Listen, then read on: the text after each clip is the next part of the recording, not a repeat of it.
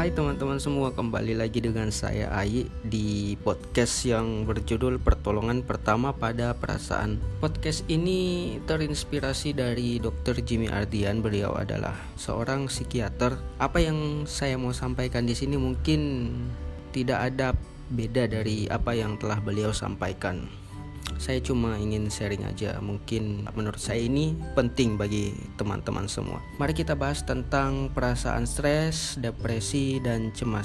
Sebenarnya apa sih pencetus stres depresi dan cemas ini? Pencetus utamanya adalah perasaan sedih.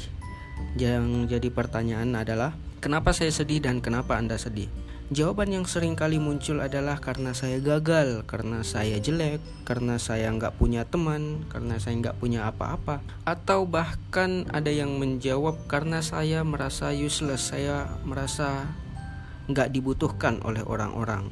Mari kita perhatikan jawaban apa pun dari pertanyaan kenapa saya sedih itu tidak akan membuat kesedihan Anda menghilang. Seakan-akan pertanyaan dengan kata "kenapa" itu tidak akan pernah bisa menyelesaikan apa-apa atau tidak akan pernah menghilangkan sebuah kesedihan.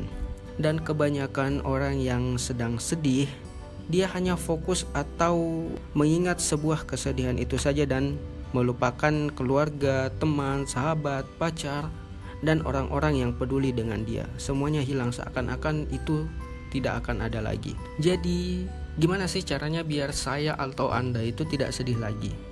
Yang pertama adalah sadari bahwa Anda sedang dikuasai oleh kesedihan Anda sendiri. Semakin Anda sadar bahwa Anda sedang sedih, maka kesedihan Anda tidak akan sia-sia dan semakin cepat berlalu.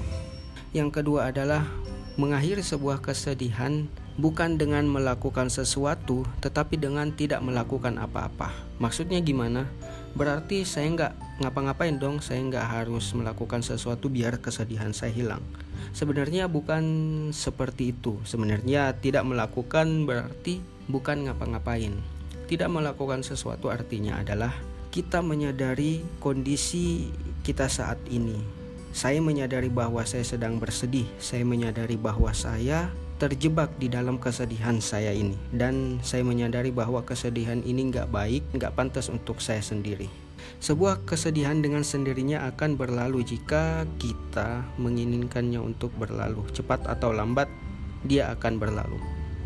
Jadi semakin Anda berpikir bagaimana caranya supaya sebuah kesedihan itu menghilang dengan melakukan sesuatu, maka kesedihan itu semakin lama dan semakin merekat pada diri Anda. Sebaliknya, cara menghilangkan sebuah kesedihan adalah dengan tidak melakukan apa-apa. Biarkan kesedihan Anda berlalu dan rasakan kesedihan itu.